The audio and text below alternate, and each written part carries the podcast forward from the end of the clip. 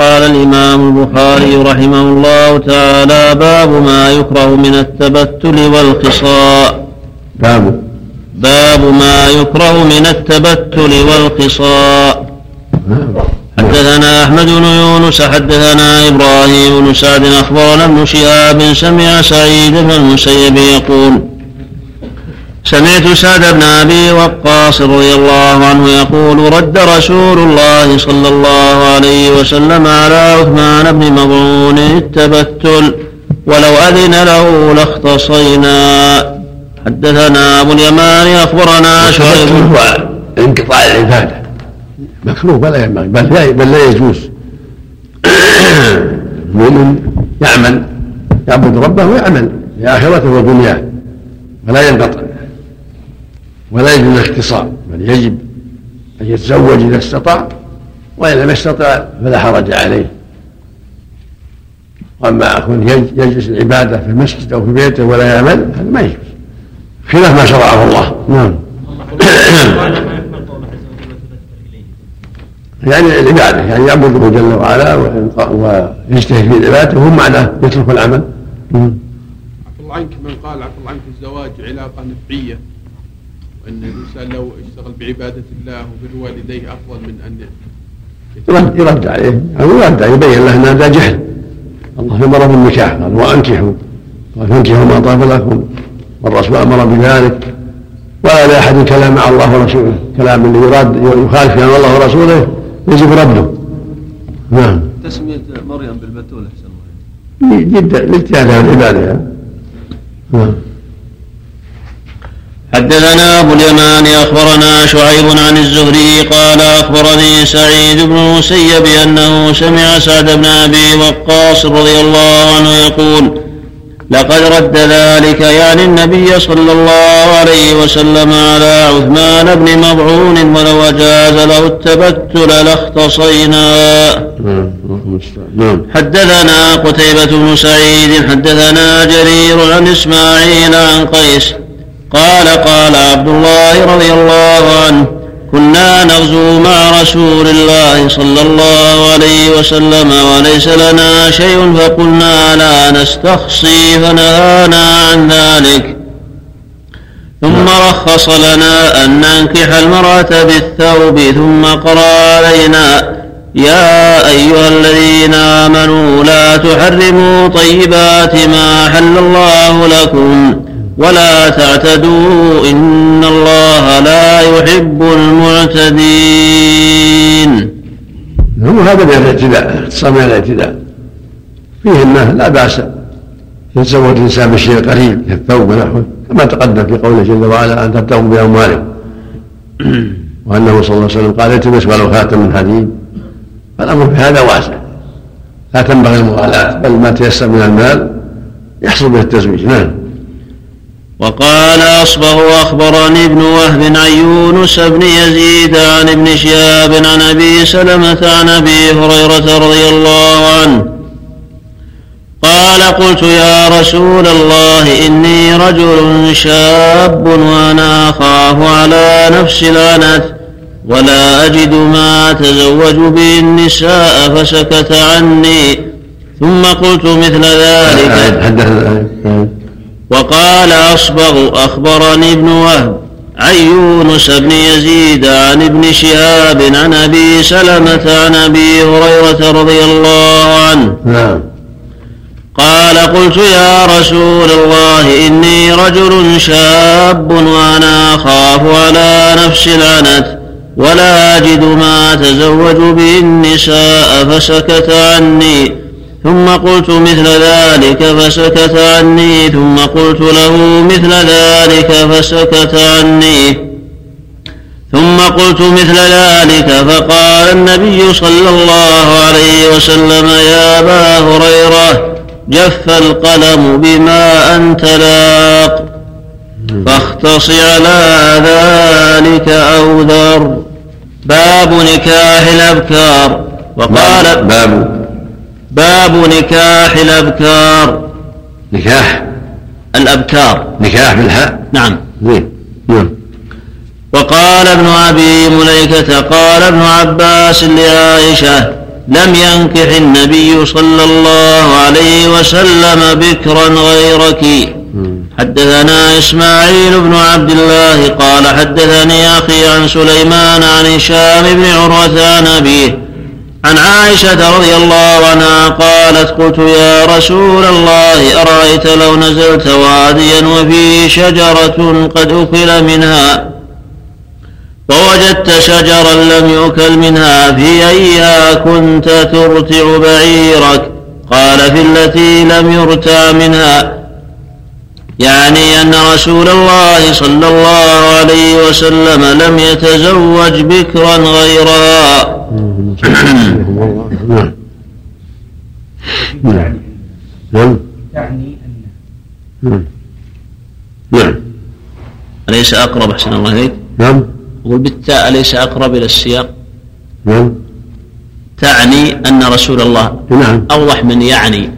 هنا تعني تعني يعني عائشة. هنا بالياء. الذي في هي حين قالت الكلام تعني. نعم. رضي الله عنها نعم حدثنا عبيد بن إسماعيل حدثنا أبو أسامة عن هشام عن أبيه عن عائشة رضي الله عنها قالت قال رسول الله صلى الله عليه وسلم أريتك في المنام مرتين إذا رجل يحملك في سرقة حرير فيقول هذه امرأتك فاكشفها فإذا هي أنت فأقول إن يكن هذا من عند الله يمضه وقد الله الله الله أكبر نعم رضي الله عنها نعم. قوله عليه الصلاة والسلام إن يكن هذا من الله. نعم. مع رؤيا الأنبياء وحده. كان ذاك الوقت لم يزن بهذا عليه الصلاة والسلام. نعم. باب تزويج الثيبات. وقالت أم حبيبة رضي الله عنها قال للنبي صلى الله عليه وسلم لا تعرضن علي بناتكن ولا خواتكن. حدثنا أبو النعمان حدثنا هشيم حدثنا سيار عن الشعبي عن جابر بن عبد الله رضي الله عنهما.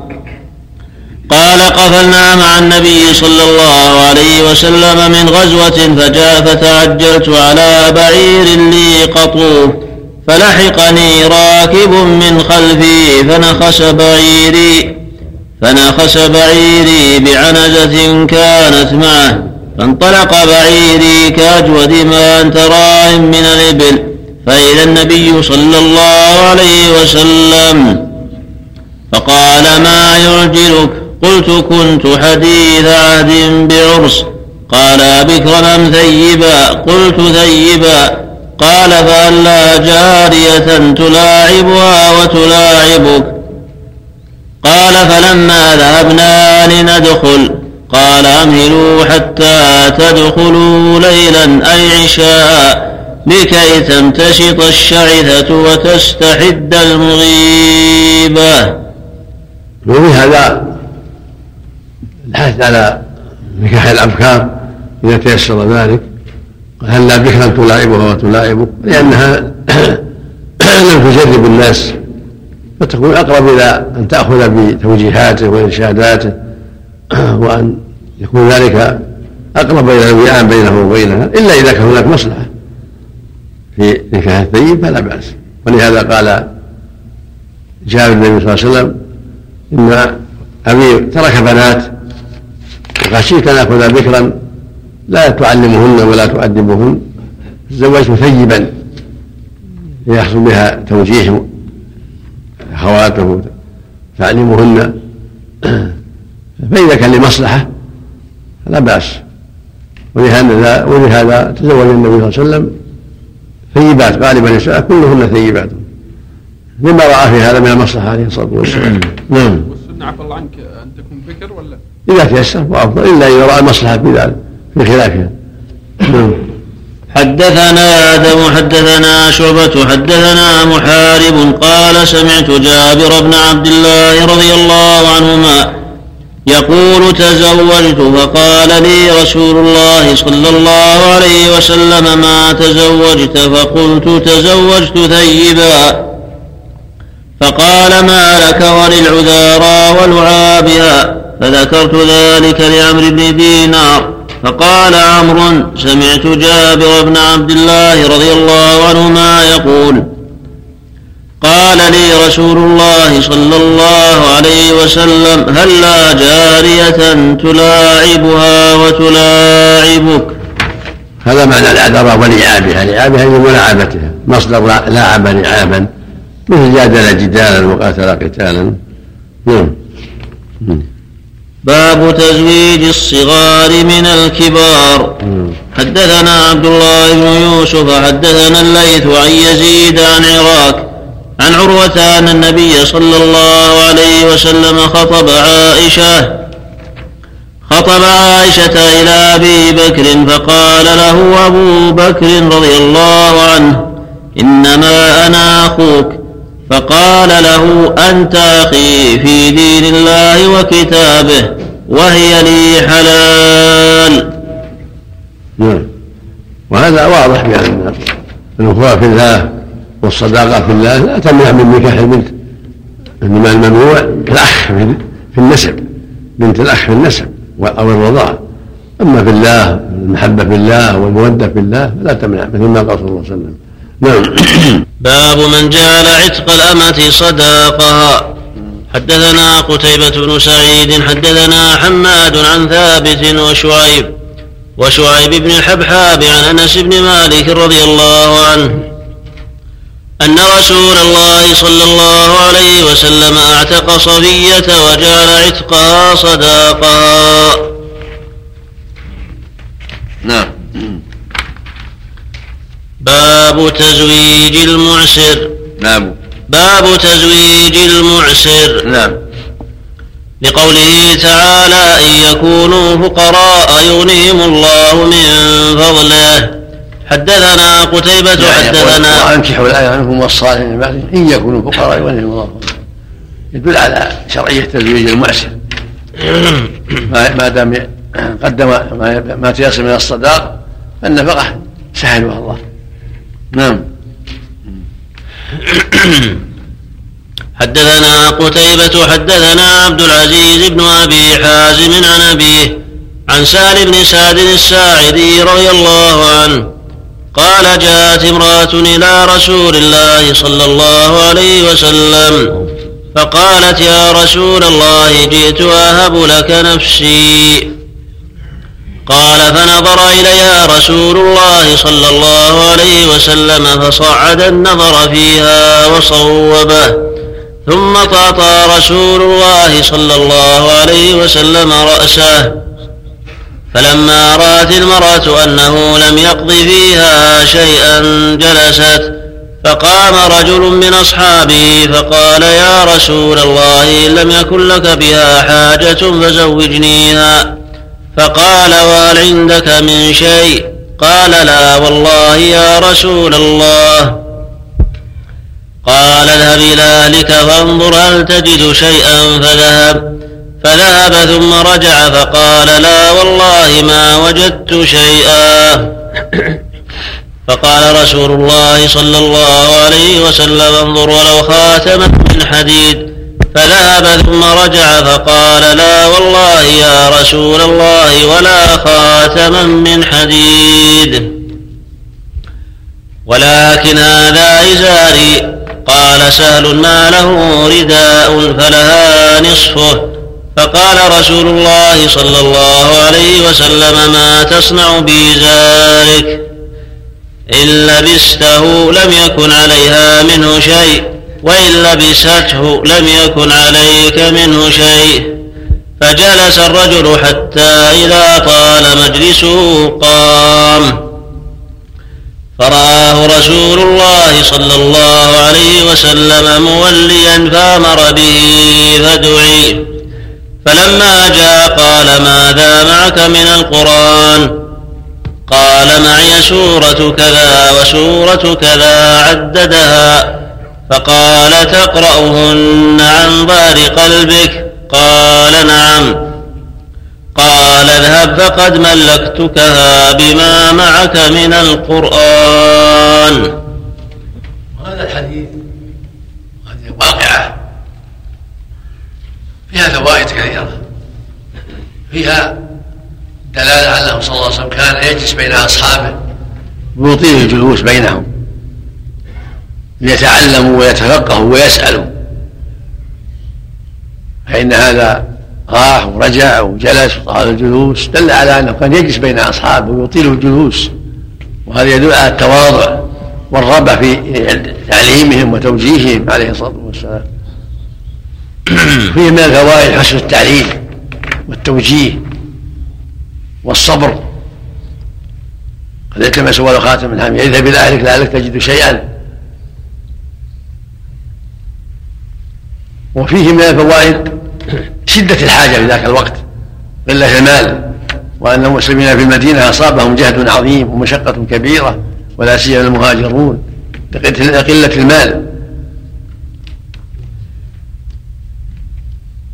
إنسان بين من الصحابة لا يجد حتى ولو خاتم من حتى الرداء يعطيها هذا يدل على فقر عظيم وشدة عظيمة. ومع هذا صبروا. وقد يسأل سائل يقول لماذا لم يقم واحد منهم يعطيه؟ وهم حاضرون يقوم واحد يقول هاك كذا ريال ريالين يعطيه رداء السر في هذا والله أعلم أنهم أرادوا أن يعلموا ماذا يقول النبي صلى الله عليه وسلم. لم يقوموا يعطوه ليفهموا وينظروا ماذا تنتهي إليه القصة. ليستفيدوا العلم. لو أعطوه ربما انتهت القصة بسهولة لكن صبرهم حتى يستفيدوا من توجيهاته صلى الله عليه وسلم وتعليمه لمثل هذا المعجم. فجاء التوجيه بالتزويج على القرآن وأن من عجز يزوج بالقرآن يعلمها سورة سورتين كما في اللفظ الآخر يعلمها من القرآن ويكون مهرا لها. عند عدد المال يزوج بتعليم العلم والقرآن. وهذه فائدة عظيمة استفادوها من هذا المجلس واستفادها الأمة. وفيه من من الفوائد الخطبة علنا من ولي المرأة. لأن الرسول وليها ظاهرها أنه لا ولي لها لم يسأل عن أوليائها دل على أنها ما لها أحد. وليها الله ورسوله. فإذا خطب في المجلس فلان قال فلان أخطبك بنتك أو أختك لا بأس. وفيه أيضا جواز الهبة للرسول كما نص عليه القرآن. وامرأة وهبت لها النبي. قالت أهب لك نفسي ولم ينكر ذلك. دل على أنه يجوز أن تهب المرأة نفسها لها خاصة وهذا خاص به عليه الصلاة والسلام كما دل عليه القرآن. وفي من الفوائد أيضا رفع المرأة حاجتها إلى ولي الأمر. ولو بحضرة الناس في المجلس. تقول تجي المجلس اللي فيه الرجال تقول يا فلان أيها الشيخ أيها الأمير حاجتي كذا وكذا. إذا دعت الحاجة إلى هذا الشيء. نعم. باب الأكفاء في الدين. نعم. وقول الله تعالى وهو الذي خلق من الماء بشرا فجعله نسبا وصهرا وكان ربك قديرا. حدثنا أبو اليمان قال أخبرنا شعيب عن الزهري قال أخبرني عروة بن الزبير عن عائشة رضي الله عنها أن أبا حذيفة بن عتبة بن ربيعة أن أبا حذيفة بن عتبة بن ربيعة بن عبد شمس وكان ممن شهد بدرا مع النبي صلى الله عليه وسلم تبنى سالما وأنكحه بنت أخيه وأنكحه بنت أخيه هندا بنت الوليد بن عتبة بن ربيعة وهو مولى لامرأة من الأنصار كما تبنى, كما تبنى النبي صلى الله عليه وسلم زيدا. وكان من تبنى رجلا في الجاهلية دعاه الناس إليه وورث من ميراثه حتى أنزل الله تعالى ادعوهم لآبائهم إلى قوله ومواليكم فردوا إلى آبائهم فمن لم يعلمه فمن لم يعلم له أب كان مولا وأخا في الدين. فجاءت سهلة بنت سهيل بن عمرو القرشي ثم العامري وهي امرأة أبي حذيفة بن عتبة النبي صلى الله عليه وسلم. فقالت يا رسول الله إنا كنا نرى سالما ولدا وقد أنزل الله فيه ما قد علمت فذكر الحديث. والمقصود أنه الكفاءة هي الدين الناس كلهم واحد حسابا وصحراء بني آدم بينهم الانساب والاصهار لا فضل لعجمي ولا عربي على عربي ولا حر. اصل ولا حر بالعدل كلهم واحد. لقوله جل وعلا يا أيها الناس إنا خلقناكم من ذكر وأنثى وجعلناكم شعوبا وقبائل لتعارفوا لا لتفاخروا. إن أكرمكم عند الله يتقاكم ولهذا ننكح أبا حذيفة سالما إلا أخيه الوليد. وتزوج النبي صلى الله عليه وسلم وزوج النبي زيد بن حارثة زينب وهو مولى عتيق وهي قرشيه وهي أسدية. فالامر واسع في هذا المهم الدين اذا أكرمكم عند الله أتقاكم. فلا حرج ان يتزوج عربي عجمية ولا يزوج حر أصلي بحر محرر. الامر واسع المهم الدين إن أكرمكم عند الله أتقاكم. نعم. حدثنا عبيد بن إسماعيل قال حدثنا أبو أسامة عن هشام عن أبيه عن عائشة رضي الله عنها قالت من جهه المتأخرين يعني. نعم. نعم. نعم. عن عائشة رضي الله عنها قالت دخل رسول الله صلى الله عليه وسلم على مصعب بن الزبير نكح عائشة بنت الحسين. مصعب بن الزبير وهو من بني أسد. ونكح مصعب بنت الزبير من عائشة بنت الحسين. نعم. وكان كتبنا في هذا كلمات سابقة. نعم. اللهم نعم. عن عائشة رضي الله عنها قالت دخل رسول الله صلى الله عليه وسلم على ضباعة بنت الزبير فقال لها لعلك أردت الحج. قالت والله لا أجد في في هذا. عثمان بن عفان بني أمية وتزوج بنتي النبي صلى الله عليه وسلم رقية وأم كلثوم وهو من بني هاشم من من سادات بني هاشم من بنتي النبي صلى الله عليه وسلم. اللهم صل عليه الله أكبر. نعم. وابن العاص بن الربيع بن عبد الشمس تزوج أيضا زينب بنت النبي صلى الله عليه وسلم. نعم. مم. نعم. عن عائشة رضي الله عنها قالت دخل رسول الله صلى الله عليه وسلم على ضباعة بنت الزبير فقال لها لعلك أردت الحج؟ قالت والله لا أجد لي إلا وجعة. فقال لها حجي واشترطي. قولي اللهم محلي حيث حبستني. وكانت تحت المقداد بن الأسود. يعني مقدار مسلم شندي وهي بنت الزبير بن عبد المطلب من سادات بني هاشم. نعم. نعم. حدثنا مسدد قال حدثنا يحيى عن عبيد الله. وهذا هو الدليل على الاستراط الإنسان خاف شيء يقول محلي حيث حبستني في عمرته أو في حجه إذا خاف من بعض الحوادث. نعم. يعني مقيد بالخوف أحسن الله عمله ليه؟ يخاف من مريض ولا حرب. نعم. وإذا اشترط من من غير خوف. نعم. إذا اشترط من غير خوف هل ينفعه الشر؟ نعم. إذا اشترط من غير خوف هل ينفعه الشر؟ العموم مثل المرأة اللي تخاف الحيض. وأشباهها نعم حدثنا مسدد قال حدثنا يحيى عن عبيد الله قال حدثني سعيد بن أبي سعيد عن أبيه عن أبي هريرة رضي الله عنه عن النبي صلى الله عليه وسلم قال تنكح المرأة لأربع لمالها ولحسبها وجمالها ولدينها فاظفر بذات الدين تربت يداك. هذا يوافق إن اكرمكم عند الله اتقاكم لا يكون همك المال أو الحسب أو الجمال قد يضرك ولكن ينبغي الاهتمام بالدين لأن الدين هو سبب العصمة من الشر والفساد. نعم. حدثنا إبراهيم بن حمزة قال حدثنا ابن أبي حازم عن أبيه عن سهل رضي الله عنه قال مر رجل على رسول الله صلى الله عليه وسلم فقال ما تقولون في هذا؟ قالوا حري إن خطب أن ينكح وإن شفع ان أن يشفع. وان قال ان يستمع قال ثم سكت مر رجل مر رجل عن سهل رضي الله عنه قال مر رجل على رسول الله صلى الله عليه وسلم فقال ما تقولون في هذا قالوا حري إن خطب أن ينكح وإن شفع أن يشفع وإن قال أن يستمع يعني من أهل, الأموال من أهل السمعة من المعروفين بمال أو بالجاه ونحو ذلك نعم قال ثم سكت فمر رجل من فقراء المسلمين. نعم. فقال ما تقولون في هذا؟ قال حري إن خطب أن لا ينكح وإن شفع أن لا يشفع وإن قال أن لا يستمع. فقال رسول الله صلى الله عليه وسلم هذا خير من ملء الأرض مثل هذا. وهذا يبين من العبرة بالدين لا بالأموال والجاه. هذا خير من الأرض مثل هذا. هذا الفقير من فقراء المسلمين استقامة خير من الأرض من ذاك الذي إنما يعظم من جاهه وماله. نعم. وهم كلهم من الصحابة. كلهم من الصحابة. تفاوت يعني. نعم. فرق عظيم باب الأكفاء في المال. نعم. وتزويج المقل المثرية. نعم. حدثني يحيى بن بكير. قال حدثنا الليث عن عقيل عن ابن شهاب.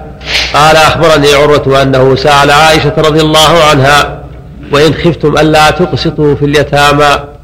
قالت يا ابن أختي هذه اليتيمة تكون في حجر وليها فيرغب في جمالها ومالها ويريد أن ينتقص صداقها.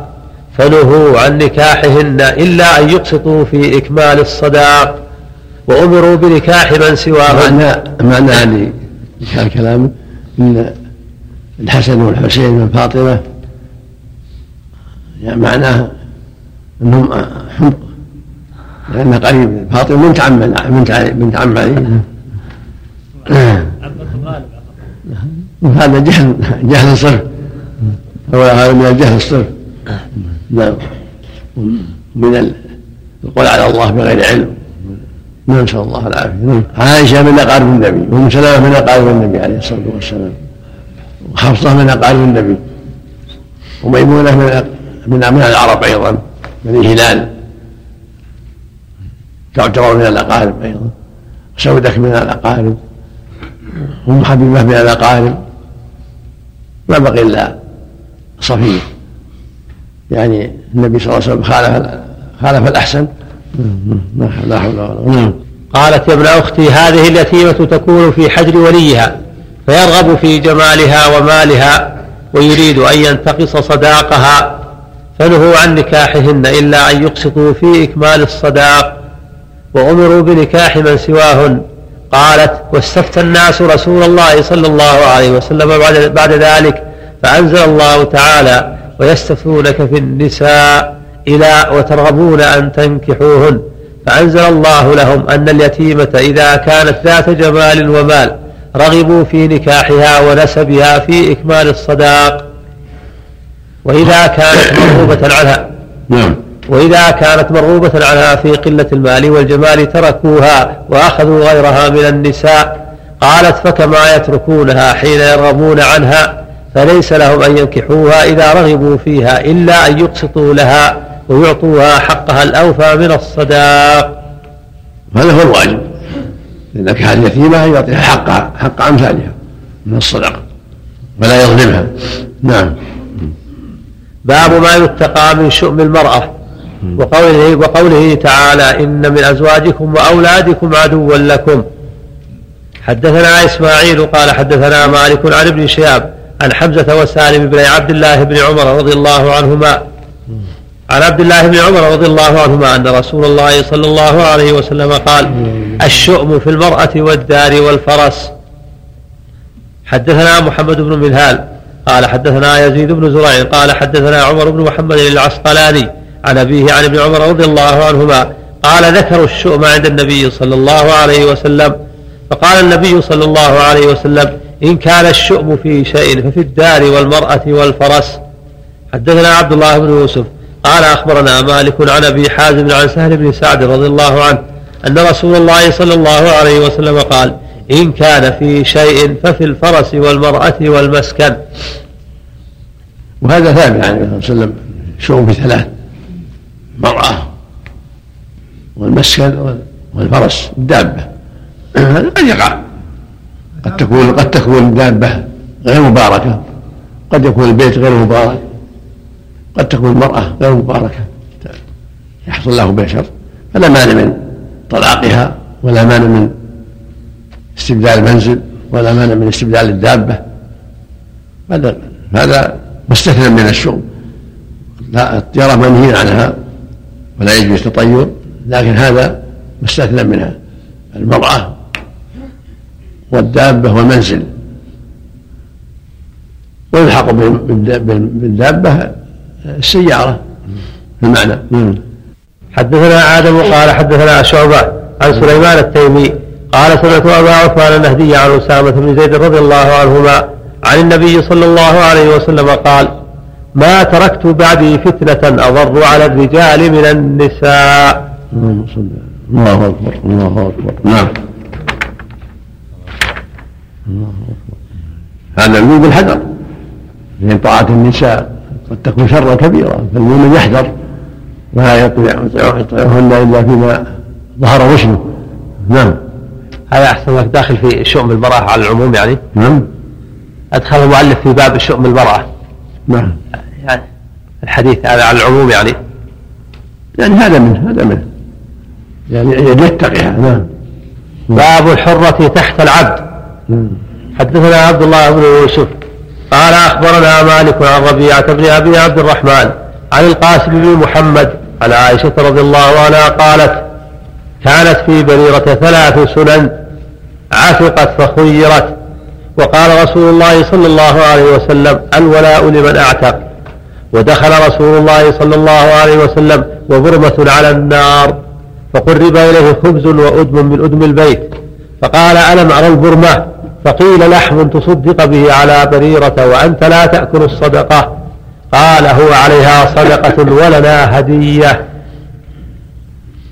يعني انها صار في حكمها هذه الفوائد.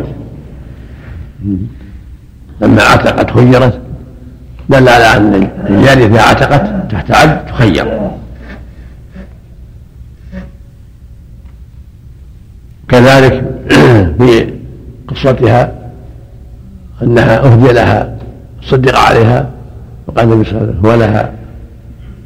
هو صدقة عليها ولنا منها هدية دل على أن ما مع أن الصدقة إذا وصلت محلها جاز الأكل منها لغير من تحل مثل إنسان فقير عنده زكوات إذا ساره الغني يأكل من طعامه ولا بأس وله صدقته.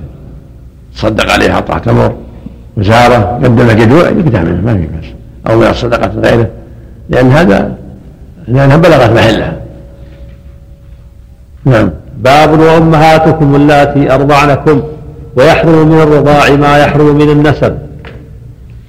حدثنا إسماعيل قال حدثني مالك عن عبد الله بن أبي بكر عن عمرة بنت عبد الرحمن أن عائشة رضي الله عنها زوج النبي صلى الله عليه وسلم أخبرتها أن رسول الله صلى الله عليه وسلم كان عندها وأنها سمعت صوت رجل يستأذن في بيت حفصة. قالت فقلت يا رسول الله هذا رجل هذا رجل يستأذن في بيتك. فقال النبي صلى الله عليه وسلم أراه فلانا لعم حفصة من الرضاعة. قالت عائشة رضي الله عنها لو كان فلان حيا لعمها من الرضاعة دخل علي. فقال نعم الرضاعة تحرم ما تحرم الولادة. نعم. وهذا محل إجماع بين المسلمين. يحرم من الرضاع ما يحرم من النسب. كما قال جل وعلا وأمهاتكم اللاتي أرضعنكم وأخواتكم من الرضاعه نص على الأم والأخت. وجاء الحديث الصحيح في العموم يحرم من الرضاعة ما يحرم من النسب. كبنت الأخ وبنت الأخت والعمة والخالة. نعم. وهذا من جوامع هذا من جوامع الكلم. يحرم من الرضاعة هذا من جوامع الكلم. ولا يتم هذا إلا بشرطين. أحدهما أن تكون الرضاعة خمسا فأكثر والثاني يكون ذلك في الحولين. نعم. محرم تام مثل النسب. حدثنا مسدد قال حدثنا يحيى عن شعبة عن قتادة عن جابر بن زيد عن ابن عباس رضي الله عنهما قال قيل للنبي صلى الله عليه وسلم ألا تتزوج ابنة حمزة؟ قال إنها ابنة أخي من الرضاعة. وقال بشر بن عمر حدثنا شعبة سمعت قتادة سمعت جابر بن زيد مثله. حدثنا الحكم بن نافع قال أخبرنا شعيب عن الزهري قال أخبرني عروة بن الزبير أن زينب ابنة أبي سلمة أخبرت أن أم حبيبة بنت أبي سفيان رضي الله عنها أخبرتها أنها قالت يا رسول الله إنكح أختي بنت أبي سفيان. فقال أو تحبين ذلك؟ فقلت نعم لست لك بمخلية. وأحب لست لك؟ بمخلية. نعم. فقال نعم قلت نعم لست لك بمخلية. يعني متروكة نعم. قلت نعم لست لك بمخلية وأحب من شاركني في خير أختي فقال النبي صلى الله عليه وسلم إن ذلك لا يحل لي قلت فإنا نحدث أنك تريد أن تنكح بنت أبي سلمة. قال بنت أم سلمة. قلت نعم.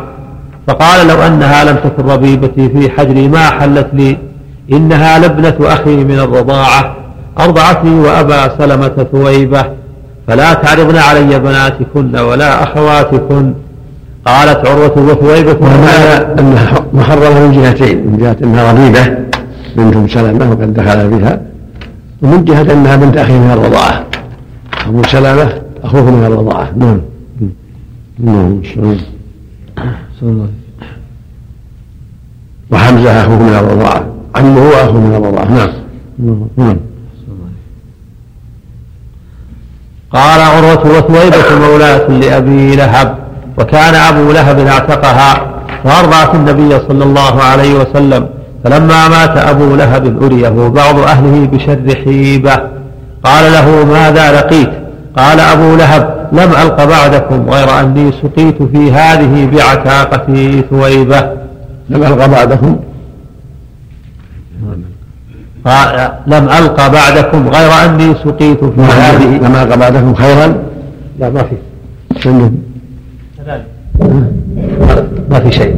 سالم.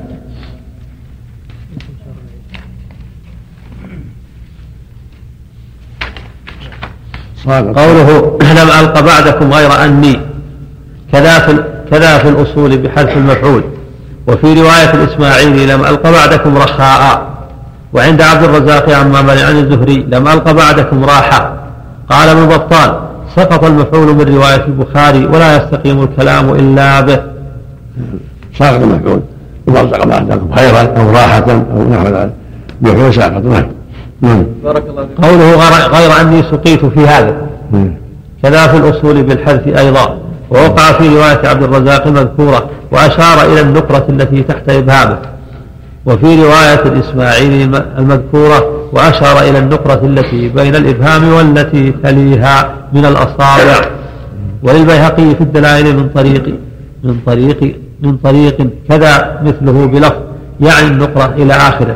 وفي ذلك إشارة إلى حقارة ما سقي من الماء. نعم. نعم نعم. باب من قال لا رضاع بعد حولين. نعم. لقوله تعالى حولين كاملين لمن أراد أن يتم الرضاعة وما يحرم من قليل الرضاع وكثيره حدثنا أبو الوليد قال حدثنا شعبة عن الأشعث عن أبيه عن مسروق عن عائشة رضي الله عنها أن النبي صلى الله عليه وسلم دخل عليها وعنده رجل وعندها رجل فكأنه تغير وجهه كأنه كره ذلك. فقالت إنه أخي فقال انظرن ما إخوانكن فإنما الرضاعة من المجاعة. جاء حال الحولين جاء حاجة الطفل إلى الرضاعة. وهم الطفلان وهما الحولان كما قال تعالى والوالدات يرضعن أولادهن حولين كاملين. شر الرضاعة أن تكون خمسا فأكثر وأن تكون في الحولين. مما جاء في الحديث الصحيح إنما لا رضاعة إلا في الحولين. لا رضاعة إلا من فتق الأمعاء وكان قبل الفطام. وفي الحديث الصحيح إنما الرضاعة من المجاعة محل المجاعة الحولان. باب لبن الفحل حدثنا عبد الله بن يوسف. قال أخبرنا مالك عن ابن شهاب عن عروة بن الزبير عن عائشة رضي الله عنها أن أفلح أخا أبي القريس جاء يستأذن عليها وهو عمها من الرضاعة بعد أن نزل الحجاب.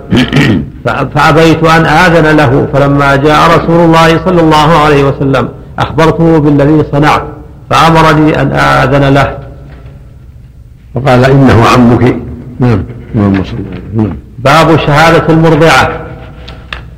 حدثنا علي بن عبد الله قال حدثنا إسماعيل بن إبراهيم قال أخبرنا أيوب عن عبد الله بن أبي مليكة قال حدثني عبيد بن أبي مريم عن عقبة بن الحارث قال وسمعته من عقبة لكني لحديث عبيد أحفظ. قال تزوجت امرأة فجاءتنا امرأة سوداء فقالت أرضعتكما. فأتيت النبي صلى الله عليه وسلم فقلت تزوجت فلانة بنت فلان. فجاءتنا امرأة فجاءتنا فجاءتنا امرأة سوداء فقالت لي إني قد أرضعتكما وهي كاذبة فأعرض عني فأتيته من قبل وجهه. قلت إنها كاذبة. قال كيف بها؟ وقد زعمت أنها قد أرضعتكما. دعها عنك. وأشار إسماعيل بأصبعه السبابة والوسطى يحكي أيوب. هذا احتج به العلماء على قبول شهادة المرضى ولا واحدة. تقبل الرضاعة الواحدة لأن هذا شيء ما يختص به النساء ويعلمه النساء. نعم. باب ما يحل من النساء وما يحرم. نعم. وقوله تعالى حرمت عليكم أمهاتكم وبناتكم وأخواتكم وعماتكم وخالاتكم وبنات الأخ وبنات الأخت. إلى آخر الآيتين. إلى قوله إن الله كان عليما حكيما. وقال أنس رضي الله عنه والمحصنات من النساء ذوات الأزواج الحرائر حرام. إلا ما ملكت أيمانكم لا يرى بأسا أن ينزع الرجل جاريته من عبده. وقال ولا تنكحوا المشركات حتى يؤمن وقال ابن عباس رضي الله عنهما ما زاد ما زاد على أربع فهو حرام كأمه وابنته وأخته وقال لنا أحمد بن حنبل حدثنا يحيى بن سعيد عن عن سفيان قال حدثني حبيب عن سعيد بن جبير عن ابن عباس رضي الله عنهما حرم من النسب سبع ومن الصهر سبع ثم قرأ حرمت عليكم أمهاتكم الآية وجمع عبد الله بن جعفر بين ابنة علي وامرأة علي. وقال ابن سيرين هذا لا بأس يجمع بين بنت زيد وزوجته الذي يضمها إذا طلقها ومات عنها لا بأس. جمع عبد الله بن جعفر بين ابنة علي عمه وبين زوجته. التي بانت منه. نعم. لعمه امها زيد له زوجة مطلقة أو قد مات عنها وله بنت. لا بأس يجمع بينهم. نعم. وقال ابن سيرين لا بأس به وكرهه الحسن مرة. ج- وجمع عبد الله بن جعفر بين ابنة علي وامرأة علي. وقال ابن سيرين لا بأس به وكرهه الحسن مرة ثم قال لا بأس به. نعم. وجمع الحسن بن الحسن بن علي بين ابنتي عم في ليلة. بين وجمع الحسن بن الحسن بن علي بين ابنتي عم في ليلة. بين ابنتي عمه؟ ابنتي عم في ليلة. نعم. عمه؟ نعم بدون هاء عمته؟ بدون هاء بل وجمع الحسن بن الحسن بن علي بين ابنتي عم في ليلة. ما نعم ما بأس. بنات العم مباحات. بنت زيد وبنت عم بنت عمه زيد وبنت عمه محمد. بنت عمه خالد. المقصود منهم أباح الله بنات العم نعم والدخول في ليلة واحدة الدخول لا عليها لله. وكرهه جابر بن زيد للقطيعة وليس فيه تحريم. لقوله تعالى وأحل لكم ما وراء ذلكم. نعم. وقال عكرمة عن ابن عباس رضي الله عنهما إذا زنى بأخت إذا زنى بأخت امرأته لم تحرم عليه امرأته. وقال وقال عكرمة عن ابن عباس رضي الله عنهما إذا زنى بأخت امرأته لم تحرم عليه امرأته. نعم. هذا الصواب الوطن المحرم لا يؤثر. نعم. نعم. ويروى عن يحيى الكندي عن الشعبي وأبي جعفر في من يلعب بالصبي. إن أدخله فيه فلا يتزوجن أمه. ويحيى هذا غير معروف ولم يتابع عليه. نعم. نسأل الله العافية. نسأل الله العافية. نعم. وعن كلمة عن ابن عباس رضي الله عنهما إذا زنى بها لا تحرم عليه امرأته. نعم. ويذكر عن أبي عن أبي نصر أن ابن عباس رضي الله عنهما حرمه. وأبو نصر هذا لم يعرف بسماعه من ابن عباس رضي الله عنهما. ويروى عن عمران بن حسين وجابر بن زيد والحسن وبعض أهل العراق قال يحرم عليه. والصواب أن هذا المحرم لا يؤثر. لو زنى ب- باخت امرأته أو بغير ام امرأته نعم، لم تحرم عليه لأنه وطن محرم منكر فلا يكون لها آثار. الآثار الشرعية في المحرميه ولا في الصهراء المصاهره نعم. وقال أبو هريرة لا تحرم عليه حتى يلزق بالأرض يعني حتى يجامع. وجوزه ابن المسيب وعروة والزهري. وقال الزهري قال علي لا يحرم وهذا مرسل. نعم. يعني لا, لا يحرم الوطن المحرم يعني. نعم. لا يحرم يعني ما تحرم عليه زوجته إذا الوطن المحرم لا يكون بالحرميه لأنه باطل. نعم. باب وربائبكم اللاتي في حجوركم من نسائكم اللاتي دخلتم بهن. وقال ابن عباس رضي الله عنهما الدخول والمسيس واللماس هو الجماع. ومن قال بنات ولدها هن من بناتها في التحريم إيش؟ ومن قال بنات ولدها باب وربائبكم اللاتي في حجوركم من نسائكم اللاتي دخلتم بهن. وقال ابن عباس رضي الله عنهما الدخول والمسيس واللماس هو الجماع. نعم. يكن الله ذلك.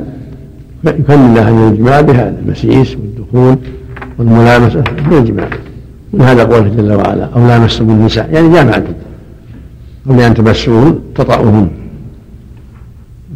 الدخول كذلك الوطء نعم. اللاتي دخلتم بهن. نعم. ومن قال بنات ولدها هن من بناتها بالتحريم لقول النبي صلى الله عليه وسلم لأم حبيبة. ومن قال ومن قال بنات ولدها هن من بناتها في التحريم. نعم نعم بناته وبنات ولدها وبنات بناتها كلهم ضرب واحد. كلهم بنات. نعم. فتحرم على زوج بناتها نعم. على زوج بناتها. زوج الجدة تحرم عليه بنات بناتها نعم. لقول النبي صلى الله عليه وسلم. الآية وربائبه اللاتي اللاتي دخلن بهن نعم. نعم. لقول النبي صلى الله عليه وسلم لأم حبيبة رضي الله عنها لا تعرضن علي بناتكن ولا أخواتكن وكذلك حلائل ولد الأبناء هن حلائل الأبناء. نعم. حلائل ولده حلائل أبناء ولده. كلهن حرام عليه. حلائل أبنائكم زوجات أبنائكم وزوجات أبناء أبناء بنيه أبناء له. وكذلك أولاد البنات نعم حلائل أولاد البنات جاءوا جدهم. نعم. نعم. وهل تسمى الربيبة وإن لم تكن في حجره ودفع النبي صلى الله عليه وسلم ربيبة له إلى من يكفلها وسمى النبي صلى الله عليه وسلم ابن ابنته ابنا وسمى وسمى وسمى النبي صلى الله عليه وسلم ابن ابنته ابنا نعم. نعم لأنه ولد. كما قال الحسن إن ابني هذا سيد. أولاد البنات أولاد له بنات البنات كذلك. بناته. بنات أبنيه كذلك. كلهم أولاد. نعم. باب قول الله عز وجل ولا جناح عليكم فيما عرضتم به من خطبة النساء أو أكننتم في أنفسكم علم الله الآية. إلى قوله غفور حليم. أكننتم أضمرتم في أنفسكم وكل شيء صنته وأضمرته فهو مكنون. وقال لي طلق حدثنا زائدة عن منصور عن مجاهد عن ابن عباس رضي الله عنهما فيما عرضتم به فيما عرضتم به من خطبة النساء. يقول إني أريد التزويج ولوددت أنه ييسر لامرأة صالحة. وقال القاسم يقول إنك إنك علي كريمة وإني فيك لراغب وإن الله لسائق إليك خيرا أو نحو هذا. وقال عطاء يعرض ولا يبوح يقول إن لي حاجة وأبشري وأنت بحمد الله نافقة وتقول هي قد أسمع ما تقول ولا تعد شيئا ولا يواعد وليها بغير علمها. وإن واعدت رجلا في عدتها ثم نكحها بعد لم يفرق بينهما. وقال الحسن لا تواعدوهن سرا الزنا. ويذكر عن ابن عباس رضي الله عنهما حتى يبلغ الكتاب أجله انقضاء العدة. باب باب النظر إلى المرأة قبل التزويج. حدثنا مسدد قال حدثنا حماد بن زيد عن هشام عن أبيه عن عائشة رضي الله عنها قالت قال لي رسول الله صلى الله عليه وسلم أريتك في المنام يجيء بك الملك في سرقة من حرير. فقال لي هذه امرأتك فكشفت عن وجهك الثوب فإذا أنت هي فقلت إن يك هذا من عند الله يمضه حدثنا قتيبة قال حدثنا يعقوب عن أبي حازم عن سهل بن سعد رضي الله عنه أن امرأة جاءت إلى رسول الله صلى الله عليه وسلم فقالت يا رسول الله جئت لأهب لك جئت لأهب لك نفسي. فنظر إليها رسول الله صلى الله عليه وسلم فصعد النظر إليها وصوبه ثم طأطأ رأسه. فلما رأت المرأة أنه لم يقض فيها شيئا جلست. فقام رجل من أصحابه فقال أي رسول الله إن لم تكن لك بها حاجة فزوجنيها. فقال وهل عندك من شيء؟ قال لا والله يا رسول الله. قال اذهب إلى أهلك فانظر هل تجد شيئا. فذهب ثم رجع فقال لا والله يا رسول الله ما وجدت شيئا. قال انظر ولو كان خاتما من حديد. فذهب ثم رجع فقال لا والله يا رسول الله ولا خاتما من حديد. ولكن هذا إزاري. قال سهل ما له رداء. فلها نصفه. فقال رسول الله صلى الله عليه وسلم ما تصنع بإزارك إن لبسته لم يكن عليها منه شيء وإن لبسته لم يكن عليك منه شيء. فجلس الرجل حتى طال مجلسه ثم قام. فرآه رسول الله صلى الله عليه وسلم موليا فأمر به فدعي. فلما جاء قال ماذا معك من القرآن؟ قال معي سورة كذا وسورة كذا وسورة كذا عادها. قال أتقرأهن عن ظهر قلب؟ قال أتقرأهن قال أتقرأهن عن ظهر قلبك؟ قال نعم. قال اذهب فقد ملكتكها بما معك من القرآن. هذا فيه فوائد منها جواز النظر. المخطوبة لا بأس. وكان هذا قبل أن يفرض الحجاب. وقفت عليها ونظر إليها النبي صلى الله عليه وسلم وصوب فيها النظر وصعده. كان هذا قبل فرض الحجاب حين كانت المرأة لا تحجب عن الرجل يراها وتراه ثم فرض الحجاب. فلما رأت المرأة أنه لم يقضي فيها شيء ولم جلست فقام رجل وقال يا رسول الله مجريها لو كنا بها حاجة الحديث المذكور وهو دليل على جواز النظر المخطوبة. لا بأس أن ينظر إليها بأي وسيلة سواء بإذنها وإذن أهلها أو من طريق أخرى لا تعلمها. لكن من دون يكون ينظرها من دون بحضرة أبيها أو أمها أو أخيها أو غيرهم. لقوله صلى الله عليه وسلم في حديث المغيرة إذا خطب أحد المرأة فإن استطاع أن ينظر منها إلى ما دون إلى نكاح فليفعل. فإن جابر اذهب فانظر إليها. لأن ذلك أقرب إلى حصول المطلوب. وفي هذا من الفوائد بيان حاجة المسلمين في أول الإسلام وما جرى لهم من الحاجة والفقر. وأن هذا الرجل لم يستطع غير غير إزاله. يدل على أنه أصابه في المدينة شدة عظيمة وحاجة. وفيه جواز تزويج بالقرآن لمن فقد المال ولا بأس أن يزوج أن يعلمها ما تيسر من القرآن كما في الرواية الأخرى فعلمها من القرآن. إذا زوجها لا يعلمها سورة أو سورتين أو جزءا أو جزئين أو ما أشبه ذلك فلا بأس من عدم المال.